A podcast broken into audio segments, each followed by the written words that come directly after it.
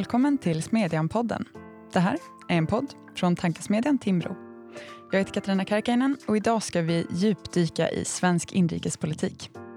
Innan vi inleder dagens samtal så vill jag bara påminna om att ni gärna får betygsätta podden i Podcaster och iTunes för att hjälpa fler att hitta hit. Tips och idéer får också gärna mejlas till smedjan timbro.se. Det går också bra att skriva till oss i sociala medier. Trevlig lyssning.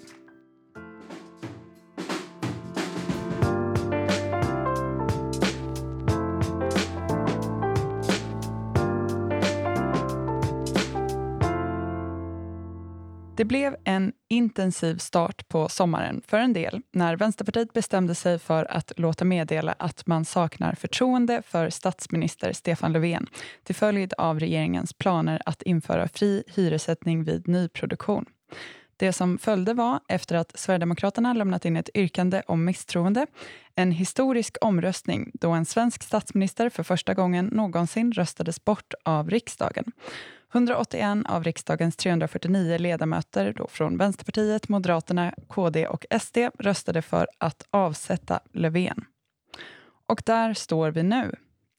Så vad kommer statsministern att göra? Hur ser alternativen ut framöver? Har förutsättningarna för en borgerlig regering förändrats? Och vad skulle en sådan kunna hitta för gemensamt projekt? Det ska vi prata om idag och det gör vi med Smedjans chefredaktör Sven Dahl. Välkommen. Tack. Och tankesmedjan Timbros VD Benjamin Dosa. Välkommen. Tack, tack. Vi har också med oss en ny röst för läsare och lyssnare, Linnea Dubois, som vikarierar på Smedjan från och med nu fram till september, medan Tobias Samuelsson, som ni är bekanta med sedan tidigare, hoppar in som politisk redaktör på Falukuriren. Så vi säger välkommen till dig, Linnea. Kan inte du berätta, vem är du? Vad har du gjort innan? Vad gör du när du inte är på Smedjan? Ja, tack så mycket. Um, I vanliga fall pluggar jag juridik och ryska i Uppsala. Sen i maj så är jag vice ordförande för Fria studentförbundet. Och jag har bakgrund som redaktör för FMSs tidskrift Svensk linje också. Tidigare har jag bland annat gjort praktik hos Moderaterna i Europaparlamentet. Just det. Vad kan läsarna förvänta sig av dig nu de här kommande månaderna? Vill du berätta om några artikelidéer inför sommaren? Det blir nog en salig blandning av rättspolitik, kulturfrågor och moralfilosofi. Jag ser särskilt fram emot att eh, djupduka i integritetsfrågor. Eh, inte minst vad gäller hur rättssäkerheten kan garanteras och kontrolleras när vi ser tendenser som går mot allt mer övervakning från det offentliga. Sen blir det förhoppningsvis en del stadsbyggnad och infrastruktur också. Mm, det låter spännande. Så till dagens ämne då. Jag ska ju säga också för spekulationerna som vi kanske kommer att komma med, att vi spelar in det här vid tisdag lunch. Men jag vill börja med att fråga er, tycker ni att man som marknadsliberal, som borgerlig, har skäl att glädjas över veckans historiska omröstning? Jo, men det tycker jag. Ehm, alltså i grund och botten handlar det ju om att eh, det här är en, den regeringen vi har nu är en regering som faktiskt inte borde ha tillträtt. Att det finns något, ett djupt misslyckande för svensk borgerlighet att man då efter valet 2018 då en bred riksdagsmajoritet röstade bort Stefan Löfven, inte lyckades bilda en regering på basis av det underlaget. Och det här är lite en påminnelse om att faktiskt Stefan Löfvens regering har inte riksdagens, riksdagens förtroende, har inte en majoritet majoritet i riksdagen, har aldrig samlat en majoritet i riksdagen för sin politik. Det finns andra latenta majoriteter. Och jag tycker att, det, att den påminnelsen tycker jag, att det är, tycker jag är värd att glädjas över. Ja, man, man, kan ju se det både från det korta perspektivet och det längre. I det korta så tyvärr så ser jag förslaget om fri hyressättning i nyproduktion som såklart är ett eh, viktigt förslag Eh, det ser ut att och kanske inte klara sig hela vägen eh, i det korta perspektivet. I det längre perspektivet så har vi en 60% i majoritet, en icke-socialistisk majoritet. Eh, och vi har haft en, det är inte så många som har, har pratat och skrivit om det, men tittar man i SOM-institutets mätningar till exempel så har vi haft en högervåg. Och med höger då menar jag då inte bara invandring utan också i, i skattefrågor och ekonomisk politik i Sverige de senaste 10-15 åren. Eh, och det är klart att om det här då kan innebära att man kan börja använda den parlamentariska, ma parlamentariska majoriteten i större utsträckning så vore det såklart bra för eh, de idéer vi tror på. Jag skulle vilja säga att man snarare har anledning att vara försiktigt förväntansfull än glad redan nu. Vi vet ju inte hur, hur utfallet av det här blir. Det skulle kunna bli så att det blir talmansrunder och sen resultatet är en, ännu en S-ledd regering men med starkare inflytande från Vänsterpartiet. Och även om det här förslaget om fri hyressättning i nyproduktion var väldigt litet så var det ändå ett steg i rätt riktning. Så att vi får väl se var det landar. Sven, du, skrev i en krönika i måndags att misstroendet mot Stefan Löfven innebär eh, förhoppningsvis slutet på ett destruktivt decennium i svensk politik. Vill du utveckla det? Jo, alltså sen, sen eh, Sverigedemokraterna valdes in i riksdagen 2010 har ju svensk politik helt och hållet präglats av ett försök att förhålla sig till Sverigedemokraterna eller framförallt att inte förhålla sig till Sverigedemokraterna. Och det har ju yttrat sig i, i ett par, ja, vad ska man säga, ja, men, monumentala misslyckanden i svensk politik. Alltså där det egentligen är värt att ta, ja, men starta med, med den migrationsöverenskommelse som alliansregeringen och Miljöpartiet gjorde 2011. Dels var det ju en, det var ju dels en taktisk manöver där man tänkte att man skulle knyta Miljöpartiet närmare närmare alliansen, men det handlade ju också om att se till så att Sverigedemokraterna inte fick inflytande över, över det här politikområdet. Och det här, ja, resultatet av det ja, vet vi ju i efterhand att det blev inte så bra. Alltså här lades grunden till att Sverige hade en genuint dysfunktionell migrationspolitik när, eh, när ja, men de stora flyktingströmmarna kommer några år senare. Sen i nästa steg är ju decemberöverenskommelsen efter valet 2014 där man kommer på den på pappret förstås briljanta idén att men låt oss bara låtsas som att Sverigedemokraterna inte sitter i riksdagen. Vi räknar inte deras mandat. Ja, det säger sig självt att det var en idé som inte var så bra i praktiken.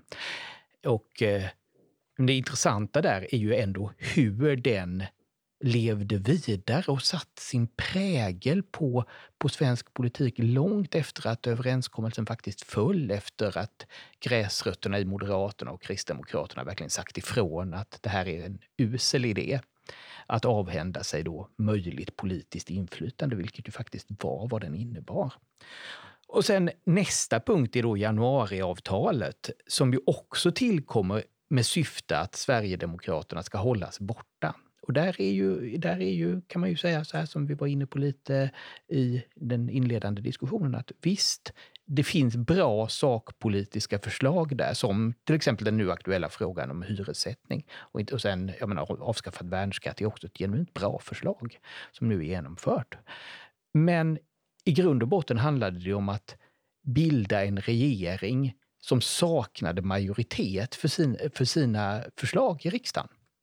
Och, och det i syfte då att hålla Sverigedemokraterna borta från inflytande. Och det säger sig självt att en sån konstruktion skulle förr eller senare falla. Och nu visade det sig att den föll, ja, igår. Ja, och det som händer nu är ju att eh, statsministern har en vecka på sig från och med i måndags att antingen utlysa ett extraval eller avgå. Och det senare innebär att det blir nya talmansrundor i riksdagen. Talmannen får då lägga fram upp till fyra förslag på vem som ska bilda regering. Vad skulle ni säga talar för respektive alternativ? Vad tror ni kommer att hända? Jag skulle, jag skulle säga att eh, det mest troliga är väl att det kanske att det blir någon form av lösning där Löfven sitter kvar. Helt enkelt för att det finns, det finns en politisk dynamik där det trots allt handlar om att han är duktig på att sitta still och se till så att någon annan blir osams och gör så att han kan, han kan sitta kvar. Det har vi sett gång på gång. Men det, och det, är väl det, det är väl det enkla svaret. Att förr eller senare kommer man att komma överens om någonting som gör Vänsterpartiet och Centerpartiet hyfsat glada. Det kanske tar en talmansrunda eller två. Jag tror inte det är klart på om en vecka. Men sen, sen tar det vidare ett steg. Det här med att att Centerpartiet och Vänsterpartiet måste bli överens. Ja, men vad är det de ska bli överens om? Vad är det de kan bli överens om? Det enkla för Löfven vore ju att säga så här att ja, men ni i Centerpartiet har fått så väldigt mycket i januariavtalet, vilket ju är sant. Um, så kanske kan ni bara för att den här regeringen ska kunna kunna sitta kvar och för att vi ska kunna fira alla de här framgångarna kan vi inte bara ta bort punkt 44 om hyressättningen. Då är det här i hamn. Ja, den chansen har han haft i en veckas tid att göra. Han har haft, eh, ganska, han har haft ganska mycket tid att göra det, men har inte gjort det hittills. Vad talar för att han kommer att lyckas göra det? Och då är vi plötsligt i en situation där det kanske ändå blir ett extraval. Och, och det som verkligen är nytt nu är ju att Liberalerna även formellt har lämnat januariavtalet. Vilket då betyder att eh, om vi, om vi, tar, om vi går tillbaka till 2018-2019 så krävdes ju bara att eh, C, L å ena sidan och V å andra sidan kunde acceptera Löfven som statsminister. Men de behövde ju inte vara överens om budgeten i grund och botten. Men nu måste ju V och C vara överens om allting i budgeten. Vs aktiva stöd krävs för att få igenom höstbudgeten. Och det var som, jag tror att det var Fredrik Segerfeldt som twittrade om det här igår eller förrgår. Att det är ju en sak att få igenom två, tre, fyra, fem riktigt viktiga, bra liberala reformer. Alltså Sven var inne på det, värnskatten, fri hyressättning vid nyproduktion, LAS-reformen till exempel. Liberalerna fick ju en hel del skol, Eh, liksom förändrad kunskapssyn i läroplan och sånt också. Eh, och att man då har aktiva förhandlingar med S och MP och man är ett, två partier. Eh, det är liksom en sak. Det är en helt annan sak. För att V kommer ju såklart inte kunna acceptera någon av de här viktiga centrala reformerna som Centern då vill ha igenom. Eh, så att, vad ska man säga, en, en, en, en ganska tvättad, opolitisk budget i bästa fall. Alltså att det blir liksom eh, 450 miljoner i, i höjda tandvårdsbidrag, lite dieselsubventioner och en ny, ny tjänst som ingår i RUT, om, om vi tänker oss så. Men i övrigt, och lite mer pengar till polisen typ. Eh, det kommer ju vara best case som de då kan skriva under på. Och dessutom då att S och MP sitter kvar i regeringen. Det är ju mycket mer, eh, det är ju en helt annan produkt. Och det är klart att Centern hoppades väl på att kunna skjuta upp det här ett års tid eh, och kunna liksom fatta det här formella beslutet eh, efter valet. Och nu tvingas man göra det redan nu. Um, och en viktig detalj och det som kanske tyder då på extraval är ju att visst, det finns partier som såklart helst inte vill ha ett extraval. Miljöpartiet, som jag har varit helt säker på kommer sitta kvar för att jag tror att det finns en marknadsandel för ett vad ska man säga, grönt eh, vänsterparti. Men de senaste veckorna eh, tycker jag visar på att de är ju helt ointressanta och när det väl kommer till kritan och de inte får liksom, lite medvind i Eh, i, i vad det rapporteras om. Det är ju ingen som vet att Miljöpartiet sen ens har funnits de här senaste dagarna och veckorna. Eh, men de två partierna som ändå är huvudkaraktärer i detta rollspel, alltså Vänsterpartiet och Centerpartiet, de står ju hyfsat stabila i opinionen. De ligger ju ganska oförändrat, kanske lite plus sen valet. Eh, och det tyder väl på att just de två inte är så jätterädda för att det ändå ska gå till nyval. Jag tyckte en fascinerande sak eh, i, igår var att eh, hur glada Liberalerna tycktes vara. Ja. Att, att Liberalerna kastade sig glatt in i det här och eh, Luften var plötsligt lite lättare att andas. Ja, och där tanken på ett extraval nästan blev som att ja, nu kör vi, låt det bära eller brista. Och det fanns något lite befriande i det tyckte jag. Och jag misstänker väl också att en hel del personer i partiledningen där tänker att ja, men ett extraval vore nog ganska bra för att en gång för alla testa de här idéerna och kanske få tyst på det interna, det interna käbblet. Så vad skulle ni önska hände?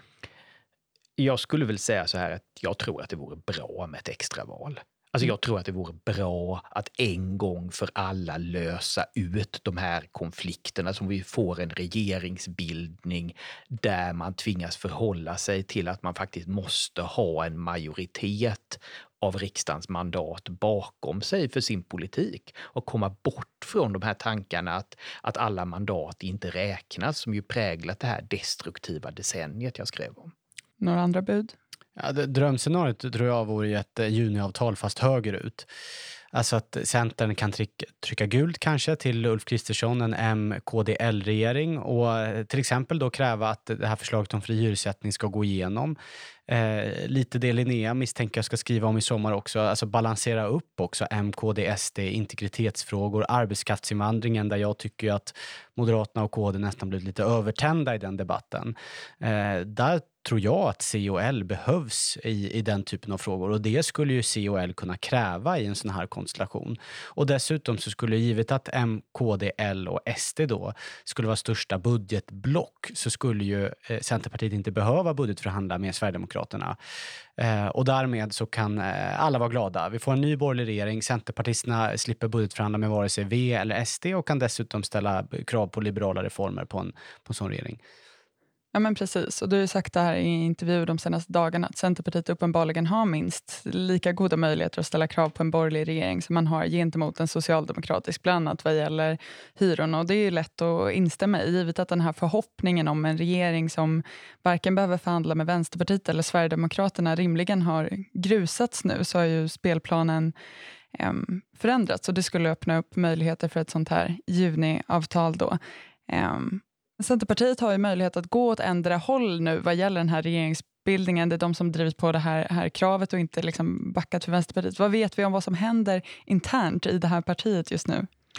Jag tror att en nyckel för att förstå det här eh, Centerpartiet är ju att se diskrepansen mellan Centerpartiets väljare och eh, de aktiva centerpartisterna. Att Centerpartiets väljare har av allt att döma inte särskilt mycket emot att sätta sig i en regering som, som eller i ett samarbete där Vänsterpartiet är en jämbördig part.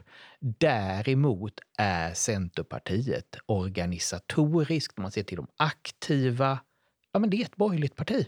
Mm.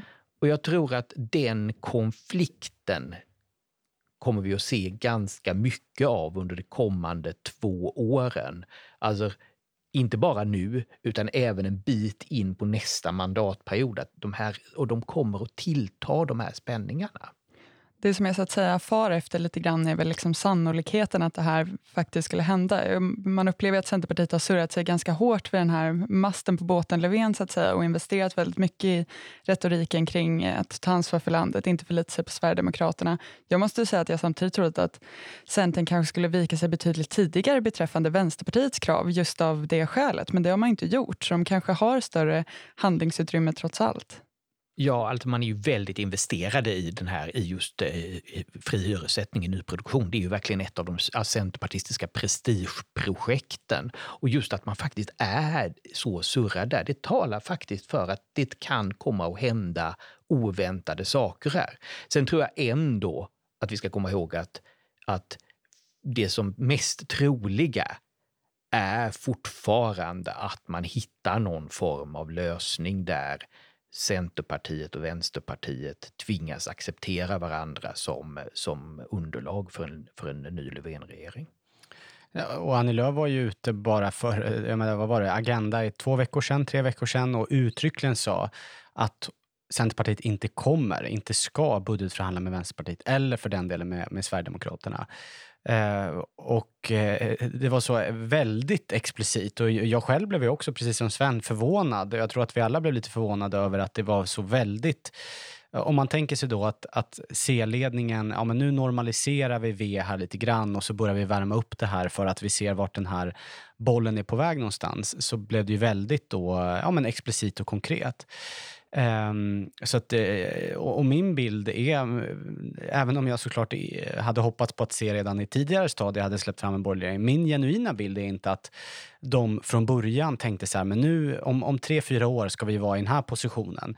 Utan man har hela tiden stått inför två dåliga val och så har man sagt så här, man har inte tänkt steg två och tre utan bara, ja men det här är lite mindre dåligt och de mätningar vi har antyder det.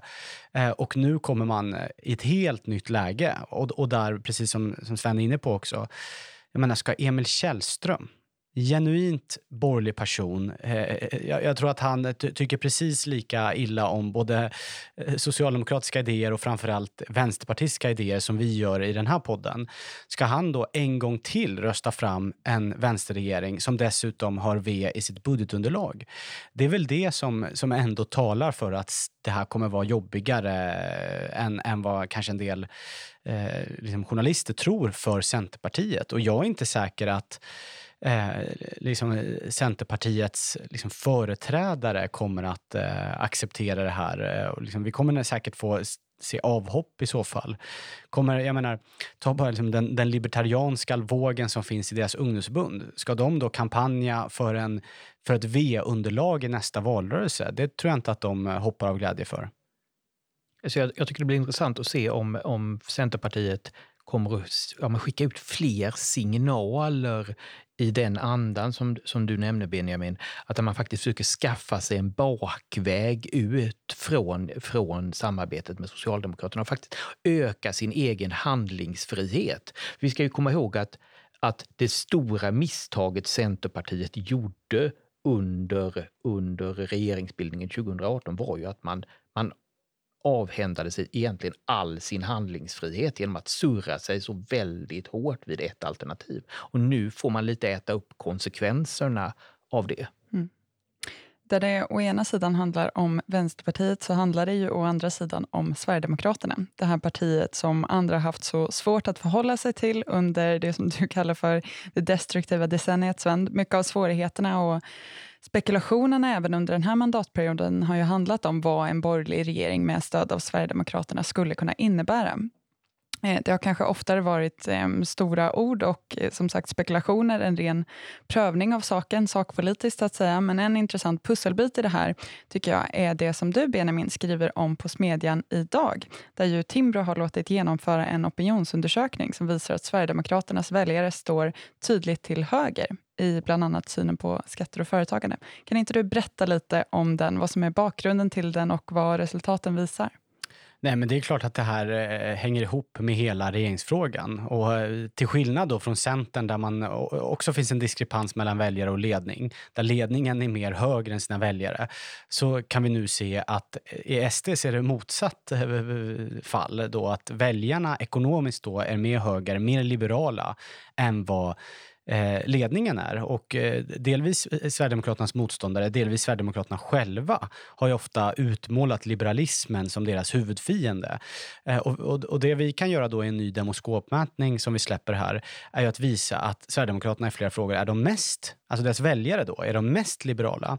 Och ett par frågor vi har ställt, delvis för att bara vi har försökt leta efter frågor som någon slags proxyparameter. Alltså hur mäter man eh, om man är ekonomiskt höger eller ekonomiskt vänster? Eh, och delvis ställer vi då frågan eh, vad är det som skapar välstånd? Är det människor och företag eller är det politiker som skapar välstånd?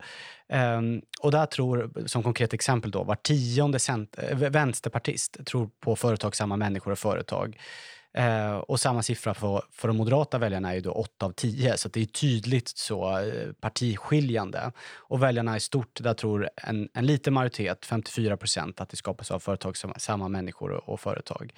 Och det intressanta här är ju att på just den frågan så ligger SDs väljare eh, då på, på nästan, nästan lika höga nivåer som Moderaterna och Kristdemokraternas väljare. Eh, en annan sån fråga är att eh, jag menar, grunden i marknadsekonomi är ju att den som tar risk, till exempel genom att starta eller investera i ett företag, också ska kunna tjäna mycket pengar. Och då har vi ställt exakt den frågan. Om man tar risk, ehm, ska man då kunna tjäna, hur mycket, ska man kunna tjäna mycket pengar helt enkelt? Eh, och även här är ju SD, M och KD-väljarna de som är mest marknadspositiva. C och L kommer inte jättelångt därefter. Och om man då vänder på steken och frågar, tycker man att staten ska, st större, ska ta större plats i, i ekonomin? Eh, så är motståndet kompakt från de fyra borgerliga partierna, men även då från Sverigedemokraternas väljare. Eh, och det som kanske är då mest intressant, de två, om jag får hålla mina två eh, superkarameller här, eh, det är på frågan om att skattetrycket i Sverige generellt sett bör öka eller minska. Kanske man tror att det är Liberalernas väljare, för att det var de som drev värnskatten så hårt, eller Moderaterna, som man ska vara lite så fördomsfull. Men det är SDs väljare som är de som i störst utsträckning vill, vill sänka skatterna i Sverige. Um, och även vi, stä, vi ställde frågan om, eh, om man tycker att Arbetsförmedlingen ska öppnas upp för privata aktörer. Det har ju varit en, återigen en av de viktigaste C-frågorna i, i januariöverenskommelsen. Eh, och där är eh, M-väljarna de som är mest positiva, V-väljarna de som är minst positiva, kanske föga förvånande. Men det som är kanske förvånar det är att SD-väljarna är alltså mer positiva till privata arbetsförmedlare än vad C-väljarna är. Eh, så det här visar ju på att eh, bland SDs väljare eh, för det första så, så, så står SDs väljare då eh, till höger i ekonomiska frågor. Det är alltså en väldigt, väldigt, väldigt lång väg för till exempel då S eller V. Nooshi har varit inne på att vinna tillbaka SD-männen till exempel. Det är en väldigt lång väg att gå. Eh, och det handlar inte bara om invandring utan de här har blivit eh, ekonomiskt höger och är väldigt liberala i de här frågorna. Eh, så det, jag tycker ändå det är ett, ett, ljus i tunneln av flera skäl. Delvis så borde det vara enklare för de borgerliga partierna att vinna tillbaka, ett gäng av de väljarna i alla fall. Och delvis borde man kunna bygga någon form av ekonomiskt samarbete med det partiet. Exakt hur det ska se ut, Eh, det, det, får man ju snickra på, men jag menar, vi har ju släppt in, eller alla partier, Stefan Löfven har släppt in Sverigedemokraterna att förhandla om migration till exempel i migrationssamtalen, om grundlagen, om försvarsfrågor. Eh, och givet att SD-väljarna nu är så liberala i ekonomiska frågor så tycker jag ändå att det är ett ljus i tunneln. Nej, eh, jag tycker den, här, eh, tycker den här undersökningen är jätteintressant och visar verkligen hur, hur de gamla politiska lojaliteterna i, i svensk politik brutits ner. För man måste tänka på att ganska många av de här SD-väljarna som har ja men så här, borgerliga attityder i den ekonomiska politiken har tidigare röstat på S. Medan så här, invandringsfrågan har fått de här personerna att byta parti och börja tänka, ja, tänka höger i, i andra frågor än vad man tidigare eh, gjort. Och det, jag tycker det här är oerhört intressant och precis som du säger Benjamin, lovande inför ja, framtida regeringsbildningar. Att det borde vara ganska enkelt. Jag säger inte superenkelt, för det finns massor med riskfaktorer i en, i en regeringsbildning. Men det är ändå så att det här finns förutsättningarna för att kunna komma överens om, att göra, om en budget. Om, om vi då bara tänker att eh, Centern iskallt eh, bara fokuserar på sakpolitik då och bortser från liksom brunsmetning och kommunistsmetning från båda hållen. Då. Och så säger de så här, men de här fem frågorna är viktigast för oss. Vi tar fri hyresrätt vid nyproduktion. Nu slänger jag in några till här, några favoriter. Vi halverar den statliga inkomstskatten, vi sänker bolagsskatten eh, och var, no, någon, någon marknadsliberal reform till.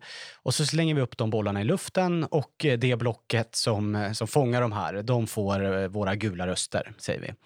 Eh, det den här mätningen visar på är att det alltså är betydligt mer sannolikt att inte, och nu pratar jag inte om ledningarna utan om mm. väljarna, att SD-väljarna är betydligt mer vänligt inställda till den typen av reformer än vad V-väljarna skulle vara. Och vilket betyder att eftersom ledningen ändå måste förhålla sig till den egna opinionen så V kommer aldrig av sina väljare tillåta släppa igenom särskilt stora marknadsorienterade reformer av Centerpartiet. Men det kan ändå SDs ledning tänka sig acceptera. Ja, men precis, och det ligger väldigt mycket mer i deras intresse att så göra. Mm.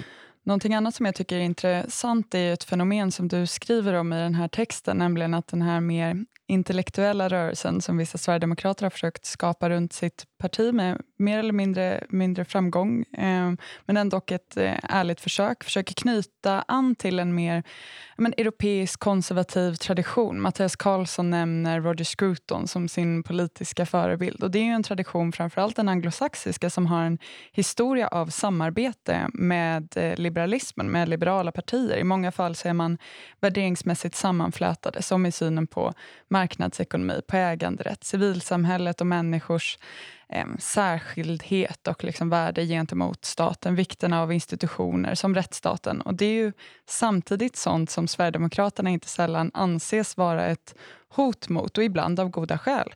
Men utifrån det, vad ser vi för så att säga utsikter för partiet att ideologiskt röra sig i en mer traditionellt konservativ riktning?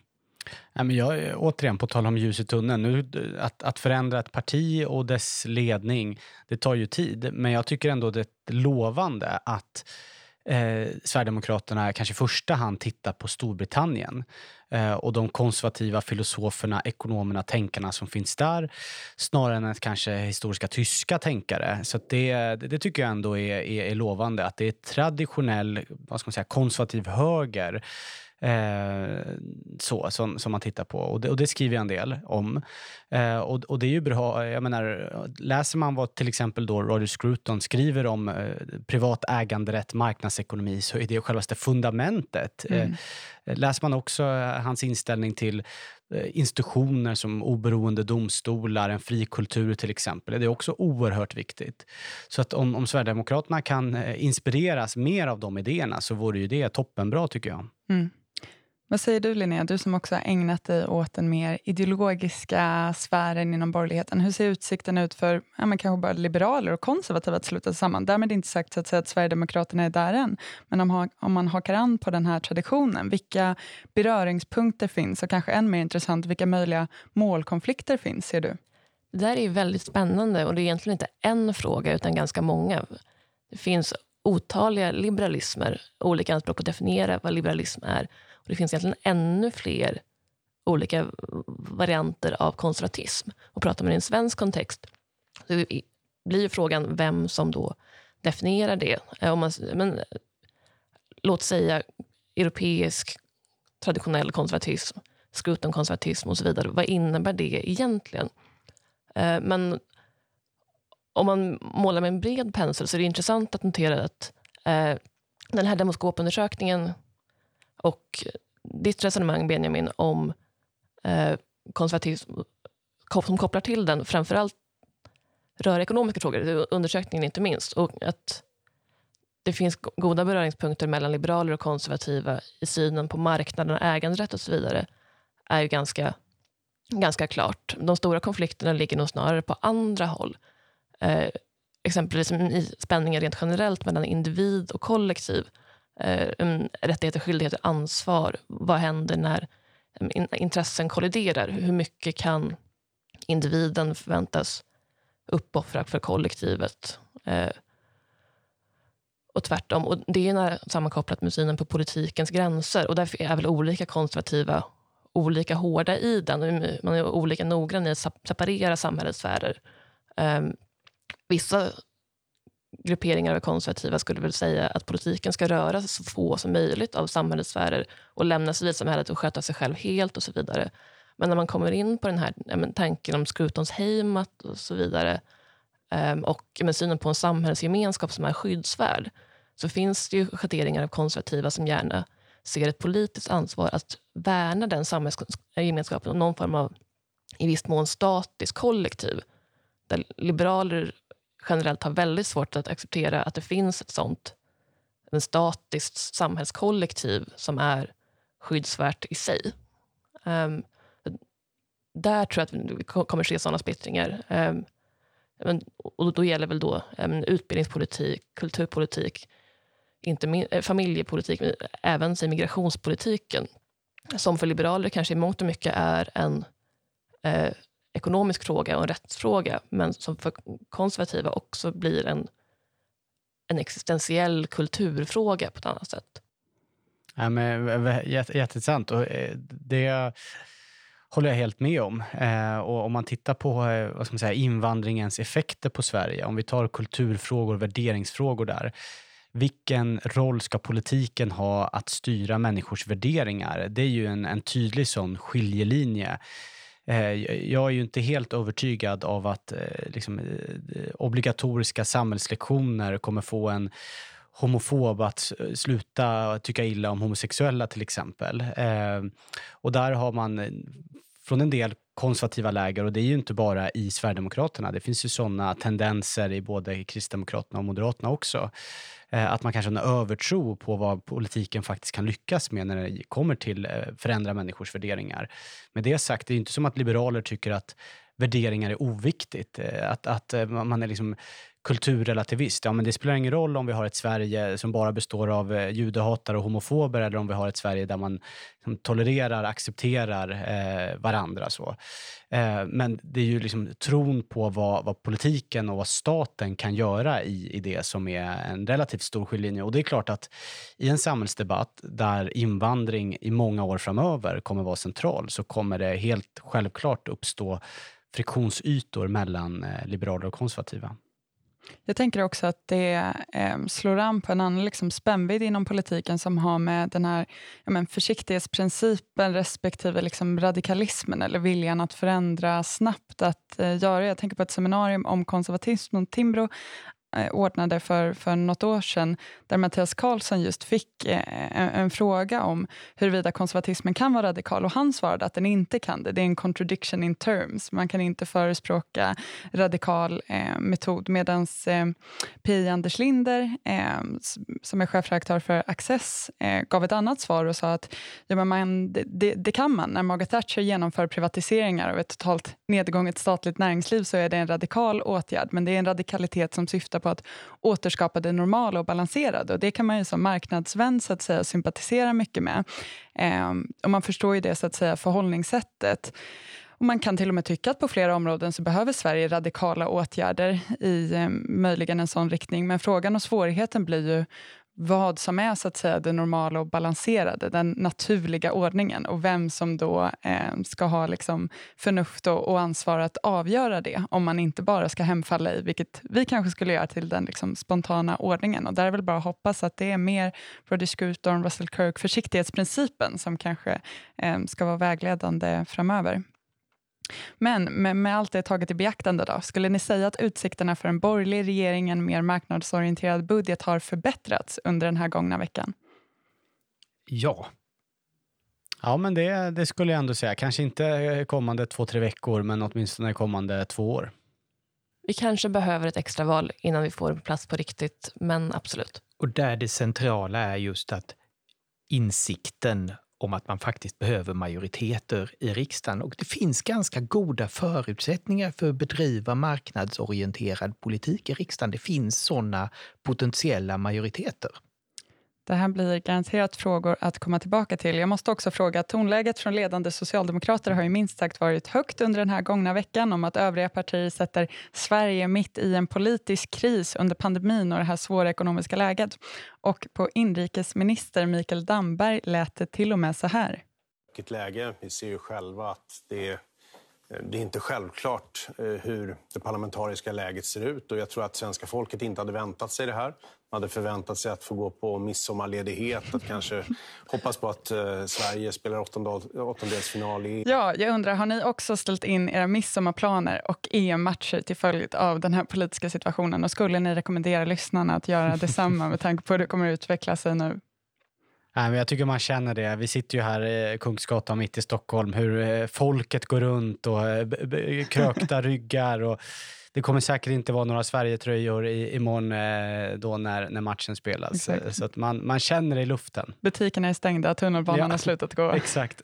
Ja, jag, jag, måste ju slå ett slag för den, det konservativa förhållningssättet till det här och säga att det finns saker som politiken ska hålla sig borta ifrån. Det blir ett eh, bra sista medskick tycker jag när vi nu också önskar glad midsommar till våra lyssnare och läsare. Jag ska också säga att från och med nästa vecka kommer du i det här flödet kunna lyssna på inlästa essäer från vår sommarserie med röster och reformer för Sverige från olika städer och platser i landet. Vad pratas det om? Vilka problem finns? Vilka lärdomar kan man dra av platsen? Jag hoppas att ni vill följa med på Smedjans resa genom Sommarsverige. För idag så får jag lov att säga varmt tack till Benjamin Dosa, Sven Dahl och Linnea Dubois. Artikeln Ny mätning, SDs väljare är mer liberala än ledningen vill erkänna, liksom krönikan som vi nämnde och många andra texter hittar ni på timbro.se smedjan. Du hittar också alla Timbros poddar på timbro.se podcast. Vi ses där och hörs igen här om en vecka.